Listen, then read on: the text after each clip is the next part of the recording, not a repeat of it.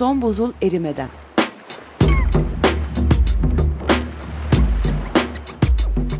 Küresel iklim değişikliğinin bilimsel gerçekleri üzerine.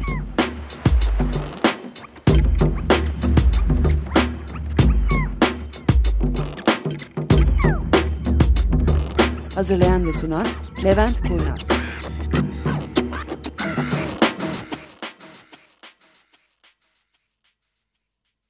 Programımıza hoş geldiniz. Ee, bugün Tufan bizle. Merhabalar. Bize ulaşmak istiyorsanız biliyorsunuz bir Twitter adresimiz var. Son Buzul adresi Twitter'da. Bir de Facebook'tan Son Buzul Erimeden sayfası var. Her ikisinden de soru sormak istediğiniz zaman bize ulaşmanız mümkün. Program esnasında ve programdan sonra sorularınıza cevap bulmaya çalışacağız. Hatta yani eğer mümkün olursa bir dahaki programları sizin sorularınız üstünden gerçekleştiriyor ve sürdürüyor olabiliriz. Şimdi biliyorsunuz kış ortasındayız. Pek ciddi ciddi kış olmadı bu noktaya kadar. İnşallah bundan sonra çok ağır bir kar yağışı olur, çok ağır yağmurlar yağar, sel basmadan, kimse ölmeden, kimsenin canına, malına zarar gelmeden birazcık kış görürüz. Çünkü bildiğiniz gibi barajlarda ciddi düşüşler var özellikle İstanbul'da barajlarda ve bu barajların dolabilmesi için bir iki günlük değil çok ciddi uzun süreli yağışların gerçekleşmesi gerekiyor. Yani bugünden Haziran ayına kadar İstanbul'un ciddi yağış alması gerekiyor ki gelecek aylarda, yaz aylarında çok İstanbul'da ciddi bir su sorunu çekmeyelim. Bu sorunların esasında temelinde yatan ana olgu bizim açımızdan iklim değişikliği. Dolayısıyla da biz bu programda birazcık geri çekilerek bir adım geriden iklim değişikliği ne, nereden kaynaklanır, bu konuda yanlış bildiklerimiz ne olabilir, doğrularımız ne bunların üstünden biraz gitmeye karar verdik. En baştan hocam herhalde havayla yine iklimin tanımıyla mı başlayacağız? Evet ha evet mesela onu tamam o ben çok öyle karıştırıldığı ama için çünkü onu, onu tanımlayabiliriz. Şimdi e, belki biliyorsunuz ben pek çok radyo televizyon programında da konuk oluyorum. Mesela geçen hafta bir TRT 1'de bir programda direkt olarak işte bu hafta kar yağacak mı gibi bir soruyla karşılaştık. hava durumu sorun. Evet. Şimdi dolayısıyla ikiye ayırmamız gerekiyor bu olayı. Biz iş olarak iklim bilimciyiz. İklim bilimci demek siz sabah kalktığınızda pencereyi açmadan dışarıda ne olacağını tahmin edebiliyorsanız bu iklim bilimidir. Yani mesela e, Şubat ayının ilk haftası salı sabahı kalktınız pencereyi açmadan dışarıda ne olacağını tahmin ediyoruz. İstanbul'da çok büyük ihtimalle dışarısı yağmurludur. Hani bir ihtimal, küçük bir ihtimal kar olabilir dışarıda. Ondan sonra soğuktur. Yaklaşık bir 5, 8, 10 derece arasıdır. Beklenti mi? Hani normal beklentimiz İstanbul'da bir salı sabahı için, Şubat ayının ilk salı sabahı için buna benzer bir sıcaklık olması gerekiyor. Galiba bu beklentiler ama geçmişte kaldı yine. Ee, şimdi Değişti şöyle, beklentilerimiz de. Yani bu iklimdir. Ama gerçekten pencereyi açtığımızda, perdeyi açtığımızda dışarıda ne görüyoruz? Yani yağmurlu mu, karlı mı, güneşli mi, sıcaklık 18 derece mi, eksi 1 derece mi? Bu da hava durumuna giriyor. Şimdi, dolayısıyla bu ikisi değişik İki bilim tarafları. Yani birini daha doğrusu ikisini birden yapabilmek, e, bilebilmek mümkün tabii ama her ikisinin de eksperlik alanları farklı. Yani bir tanesinin ana yoğunluğu bugün, yarın, üç gün sonra, bir hafta sonra ne olacağını tahmin etmekken öbürünün ana yoğunluğu bundan 6 ay sonra, 1 sene sonra, 10 sene sonra hatta 30 sene sonra belki 100 sene sonra ne olacağını söylemek. Biz iklim bilimci olarak yarın ne olacağını zor tahmin ederiz. Hatta tahmin edemeyiz o bizim işimiz değil. Bir hafta sonraya bir şey söyleyemeyiz ama bize 2050'de Türkiye'yi neler bekliyor diyecek olursanız onlara çok güzel cevaplar verebiliriz ve verdiğimiz cevaplar da çok büyük ihtimalle doğru olacaktır. Ama maalesef bir hafta sonra konusunda çok fazla bir bilgimiz yok. Dolayısıyla şimdi bu iklimle meteorolojinin arasındaki farkı ya da hava durumunun arasındaki farkı bir anlattık öncelikle. Ondan sonra geleceğimiz konu iklim e, niye değişiyor? Ya da değişiyor mu? Çünkü burada da gele, ge, evvelki hafta bir Ben maalesef seyredemedim daha ama çarşamba akşamı bir televizyon kanalında evet. büyük bir felaket olmuş. Oraya çıkan hocalardan bir tanesi iklim değişikliği yoktur niye olsun ki? Türü, Bunlar doğal değişim. Doğal değişim. Yani gibi. ben daha kaydettim ama inşallah seyredeceğim yakın bir vakitte. Mesela oradaki problem şu. İklim iklim niye değişir? Ya da iklim değişir mi? İklim her zaman değişir ve bu doğaldır. Evet. Bir kere öncelikle onu kabul edelim. Yani iklim değişikliği doğal değildir lafını kullanamayız. Doğaldır ama bu doğal değişiklikler doğada yüz binler ya da milyonlarca senede olan değişikliklerdir. Yani doğal değişikliktir dediğimiz zaman bunu kabullenmemiz gerekiyor. Yani dinozorlar mesela dinozorların zamanında hava şu anda olduğundan yaklaşık 10-12 derece daha sıcaktı. Karbondioksit miktarı da şu anda olduğundan e, yaklaşık 7-8 kat daha fazlaydı. Evet. Şimdi bunu biliyoruz. Dolayısıyla ondan buna iklim değişmiş. Bunu da biliyoruz. Dolayısıyla iklim değişen bir şey. Yalnız dinozorların zamanında mesela iklimin o sıcaklığa erişmesi 10 milyon yıl sürüyor. O sıcaklıktan tekrar soğuması gene bir 10 milyon yıl sürüyor. Dolayısıyla canlılar, bütün ekosistem genel olarak bu sıcaklık değişikliklerine ya da bütün iklim değişikliklerine zaman içerisinde alışabiliyorlar. Ama hep çok yüksek mertebelerdeki zaman dilimi. Tabii milyonlarca, yüz binlerce yıl süren zaman dilimlerinde doğa buna alışabiliyor. Ha nasıl alışıyor? Diyelim mesela şimdi dinozorları hepimiz biliyoruz. Dinozorlar dev yaratıklar ve bu dev yaratıkları beslemek için dev ağaçlara gerek var. Yani ya birbirlerini yiyorlar yani bir dev yaratık öbür dev yaratığı yiyerek besleniyor ya da bu dev yaratıklar ağaç yiyerek besleniyor. Dolayısıyla bunların beslendiği ağaçların da dev ağaçlar olması gerekiyor. Bu dev ağaçların ortaya çıkabilmesi için bir, karbondioksit miktarının çok yüksek olması gerekiyor ki ağaçlar bol bol havadan karbondioksit alsınlar ve büyüsünler. İkincisi ortamın sıcak, nemli ve sıcak olması gerekiyor ki rahat rahat bu tropik ağaçlar büyüyebilsinler. Buradan o zamanların iklimini bir şekilde çıkartabiliyoruz zaten. Ama bugüne gelindiğinde şimdi biliyorsunuz bizim ortalama canlıların ne büyüklükte olduğunu, ağaçların ne yükseklikte olduğunu, atmosferde ne kadar karbondioksit olduğunu. Dolayısıyla bu dünyanın değişik bir denge noktası. Bu denge noktasını bizim hızlıca bozuyor olmamız iklim değişikliğidir. Ve doğada bulunan bir şey değildir bu. Ha doğada daha önce hiç mi hızlı iklim değişikliği olmamış? Olmuş tabii ki. Mesela dünyaya dev bir meteor çarpmış. Dünyanın iklimi çarptığı anda çok hızlı bir şekilde değişmiş. Bu olmuş ama tabii bu dev meteorun çarpması dünyadaki bütün canlı türlerinin %80'inin ölümüne sebep olmuş. Ne bileyim dev bir yanardağ patlamış, canlı türlerinin %90'ı yok olmuş. Bunların hepsi tarihte var. İklim hızlı değiştiği zaman büyük ölümlere yol açıyor. Yavaş değiştiği zaman canlılar kendilerini buna uyarlayabiliyorlar. Temel noktamız bu. Şu anda da dünyada olmakta olan şey iklimin çok hızlı değişiyor olması. Yoksa değişiyor olması kendi başına bir problem değil, hızlı değişiyor olması bir problem. Ve iklim hep değişirdi. Doğru, hep değişirdi ama hiç bu kadar hızlı değişmezdi. Önemli olan laf o.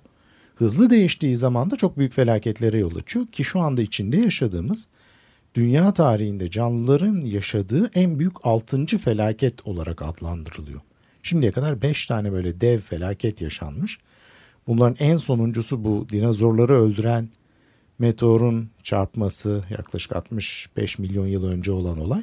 Son 65 milyon yılda dünya şu anda yaşadığımız felaket boyutunda bir felaket yaşamamış. İlk defa bu büyüklükte bir felaket yaşıyoruz son 65 milyon yılda. Bunda nereden biliyorsunuz demeyin tamam mı? Hani bir sürü kanıtları var, fosiller var, canlıların sürekliliği var. Bunların hepsi bilinen şeyler. Yani tahmin ettiğimiz değil gayet güzel bilimde bilinen konular. Bu. Doğa bize bunları gerçekten saklayıp sunuyor bir şekilde buluyoruz. Evet yani yerin altındaki bütün dinozor kemiklerinden hatta başka fosillerden sizin deniz kıyısında bulduğunuz kabuklardan, evet. deniz kabuklarından bunların hepsini ortaya çıkartmak mümkün. Geçmiş zamanda neler olduğuna dair. Dolayısıyla bu değişiklik neden oluyor konusunu konuşacağız kısaca uzunca vaktimiz ne kadar ne yetiyorsa. Bunun arkasındaki temel nokta sera gazları. Sera gazları dediğimiz şeyin de içinde en önemli sera gazı bizim açımızdan karbondioksit. Ondan sonra metan geliyor. Ondan sonra diğer küçük gazlar.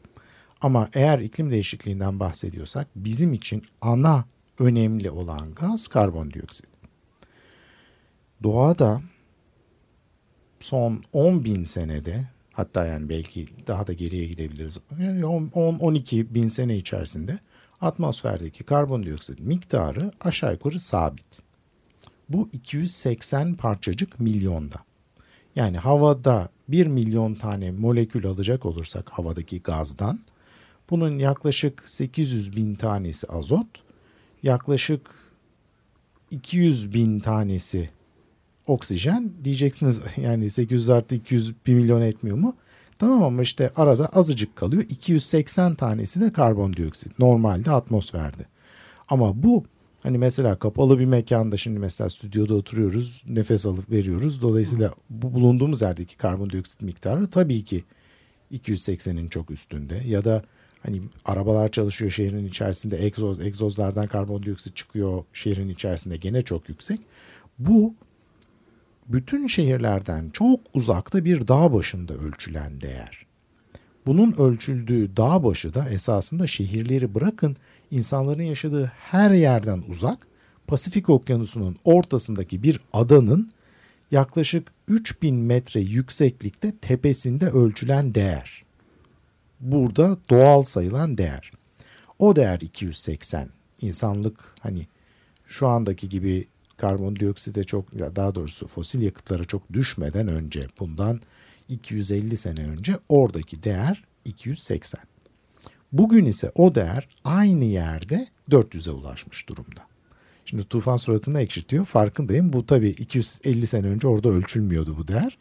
1950'lerde ölçülmeye başlandı. 1950'lerden bu yana her geçen gün azıcık azıcık azıcık azıcık artmakta karbondioksit değeri azıcıktan da kastım senede 2-3 artıyor. Yani geçen sene bu zamanlar 397 iken bu, bu sene 400'e geldi. Seneye bu programı bu saatlerde yaptığımızda inşallah inşallah değil tabii hani biz inşallah yaparız programı. Karbondioksit inşallah o kadar yükselmez. Ama hiç gidişat öyle de o evet. değişim artarak gidiyor yani. E, 403'ü, 402, 403'ü bulmak bulması bekleniyor gelecek sene bu zamanlarda karbondioksit. Şimdi burada kısa bir müzik arasına gidelim. Dönüşte tekrar konuya devam edeceğiz.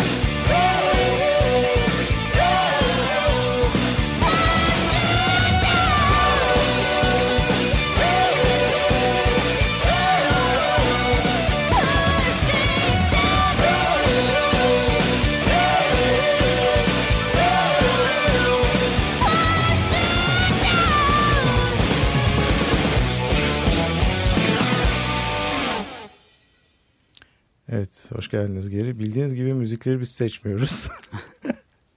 ee, geçen sene yani daha önceden program yaparken evvelki sene falan biraz daha vaktimiz oluyordu. Bol bol elimiz kolunu Seçim sallaya sallaya için. gelip müziğimizi de biz koyuyorduk.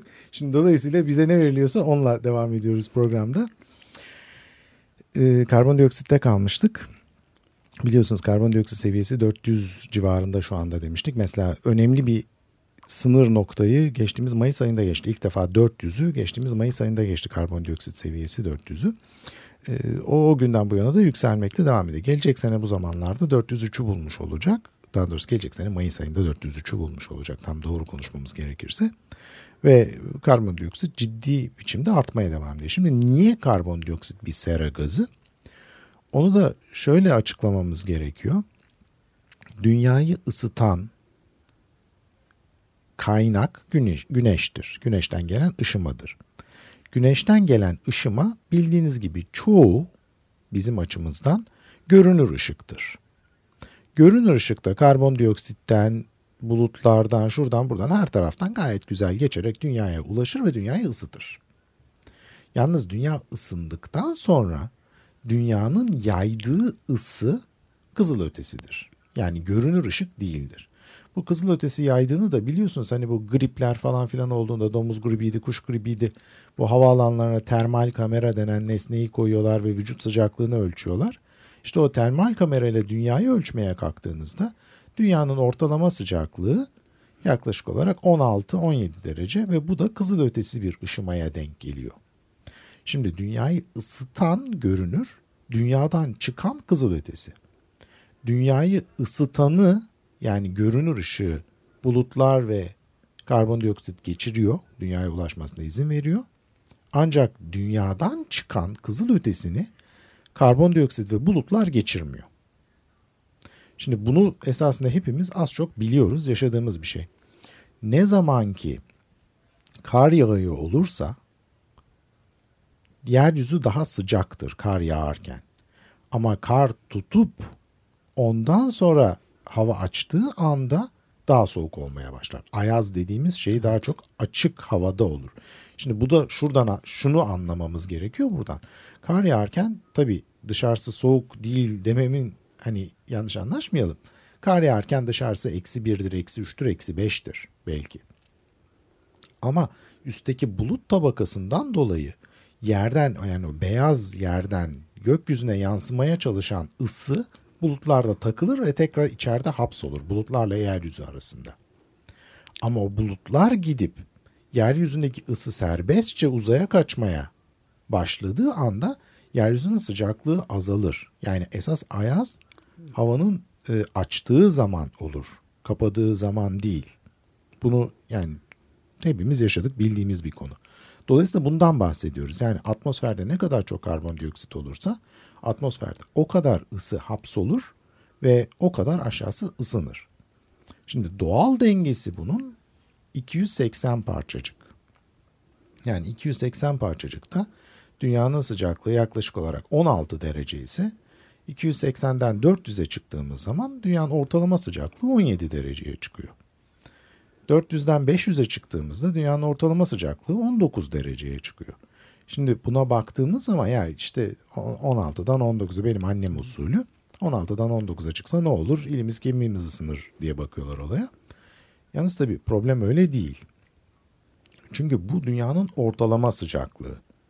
Yani ekvatorla kutupların ortalaması 3 derece ısınıyor. Bu bize getirisi ya da götürüsü şöyle. Bizim yaşadığımız kuşak bundan daha kötü etkilenen yani ortalamanın biraz üstünde ısınan bir yerde yaşıyoruz. Yani dünyanın ortalaması 3 derece ise Türkiye bundan 5 derece ısınacak demektir. Kutuplar çok çok daha kötü 12-13 derece ısınacak demektir. Şimdi öncelikle bir kere bir kutupların 12-13 derece ısınması ne anlama geliyor onu hafifçe konuşalım. Kuzey kutbu biliyorsunuz denizin üstündeki buzlardan oluşur denizin üstündeki buzlar da eriyecek olursa deniz seviyesini çok fazla yükseltmez. Ve kuzey kutbundaki buzların ortalama kalınlığı 2-3 metredir. Dolayısıyla yani onların eriyor olması okyanus seviyelerini, deniz seviyelerini çok ciddi miktarda değiştirmez. Bunu pek çoğunuz biliyorsunuz. Hani bir kola bardağının içine Önce kolayı koyup sonra buz koyduğunuz zaman o buz eridiğinde kola taşmaz. Ama hani önce buzla doldurup sonra içine kolayı koyacak olursanız ağzına kadar doldurunuz o kola taşar buzlar eridiği zaman mutlaka. Dolayısıyla bunu atlamamak gerekiyor. Yani kuzey bütün buz denizinin falan filan eriyor olması çok kötü sonuçları olan bir şey ama deniz seviyesini arttırmaz. Ama buna karşılık Güney Kutbu'na gittiğimiz zaman Antarktika'daki ortalama buz kalınlığı birkaç kilometre yani metre değil kilometre. Ve aynı şekilde Grönland'ın üstündeki buz kalınlığı da bir kilometreye yakın. Grönland artı e, Güney Kutbu Antarktika eridiği zaman dünyada ortalama deniz seviyesinde 80 metre yükselme bekleniyor. Ve 80 metre yükselme demek ben geçenlerde yazmıştım. Evet. Taksim bir ada oluyor demek. Yani Taksim'e kadar deniz seviyesinin yükseldiğini düşünün İstanbul'da. Ve tabii detaylarını anlatmıştım ben mesela. Nazilli'nin önüne kadar gidiyor deniz. Ege'de.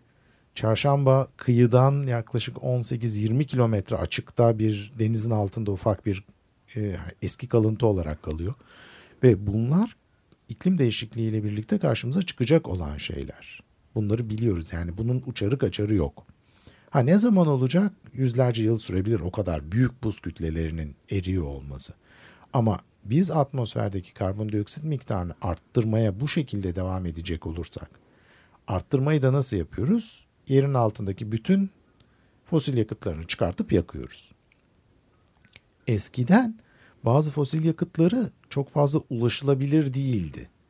Yani işte Kanada'nın mesela kuzeyinde şu anda zift kumulu, katran, katran, katran kumulu denen bir takım nesneler var. Yani kumla beraber karışık e, zift katran var. Bundan petrol elde etmek çok pahalı bir şeydi ve eskiden bu yapılmıyordu. Yalnız şu anda Şimdi saldırıyorlar. Evet. Yani, o yani bu, bu gayet makul bir hesap yapmamız gerekiyorsa bunda.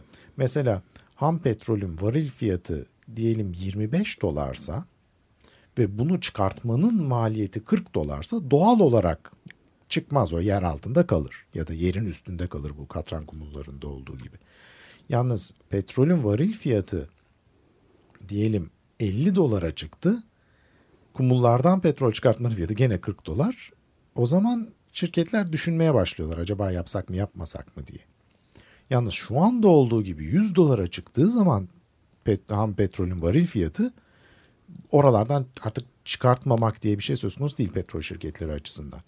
Dolayısıyla da e, petrolün, doğalgazın, kömürün fiyatı arttıkça eskiden çok fazla çıkartmayı düşünmedikleri yerlerden şimdi bu nesneleri çıkartıp yakmaya başlıyor. Petrol şirketleri, doğalgaz şirketleri, kömür şirketleri. E bu da tabii her geçen gün şeyin e, atmosferdeki karbondioksit miktarının ciddi biçimde artmasına sebep oluyor. E bu da bizim hani bir vadede felaketimiz demek. Şimdi ikinci konu İstanbul 5 derece artacak olsa e, fena mı olur? Hani yazın sıcak yani önce kışa gelelim. Kışın hani 8-10 derece olan ortalama sıcaklık 15 dereceye çıkar. Sıcak olduğu günler 20 olur. Tişörtle dolaşırız. Fena mı? Çok fena olmaz diyeceğiz ama tabii arka planda bu kış yaşadığımız Hava ne kadar sıcaksa benzer şekilde o kadar da az yağış evet. oluyor. Az yağış olunca barajlarda su kalmıyor. Susuzluk çekiyor. Susuzluk problemi ve kuraklık çıkıyor Türkiye'nin pek çok noktasında olan. Dolayısıyla bu birincisi ama ikincisi bir de düşünün yazın ortalama sıcaklığı 35'i bulduğu zaman bir de 5 derece onun üstüne koyduğumuzda İstanbul'da ortalama sıcaklık 40 derece olduğunda İstanbul ciddi sorunlar yaşar demek bu. Dolayısıyla şimdi maalesef ancak hani buzdağının tepesini o kadar çok şey var ki ile ilgilenmek durumunda kaldık. Süremiz bitti. Onun için sorularınız olursa bu konuya devam edebiliriz. Herhangi bir sakıncası yok. Biz gayet mutlu mutlu anlatıyoruz bunu. Daha uzun sürede anlatabiliriz. Ama maalesef vaktimiz bu kadar. Haftaya görüşmek üzere. Hoşçakalın.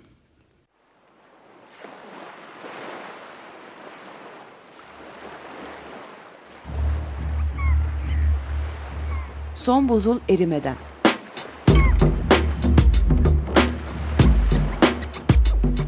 Küresel iklim değişikliğinin bilimsel gerçekleri üzerine.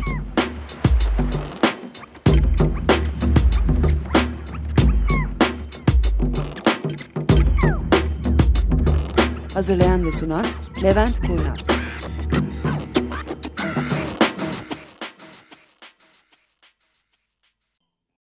Açık Radyo program destekçisi olun. Bir veya daha fazla programa destek olmak için 212 alan koduyla 343 41 41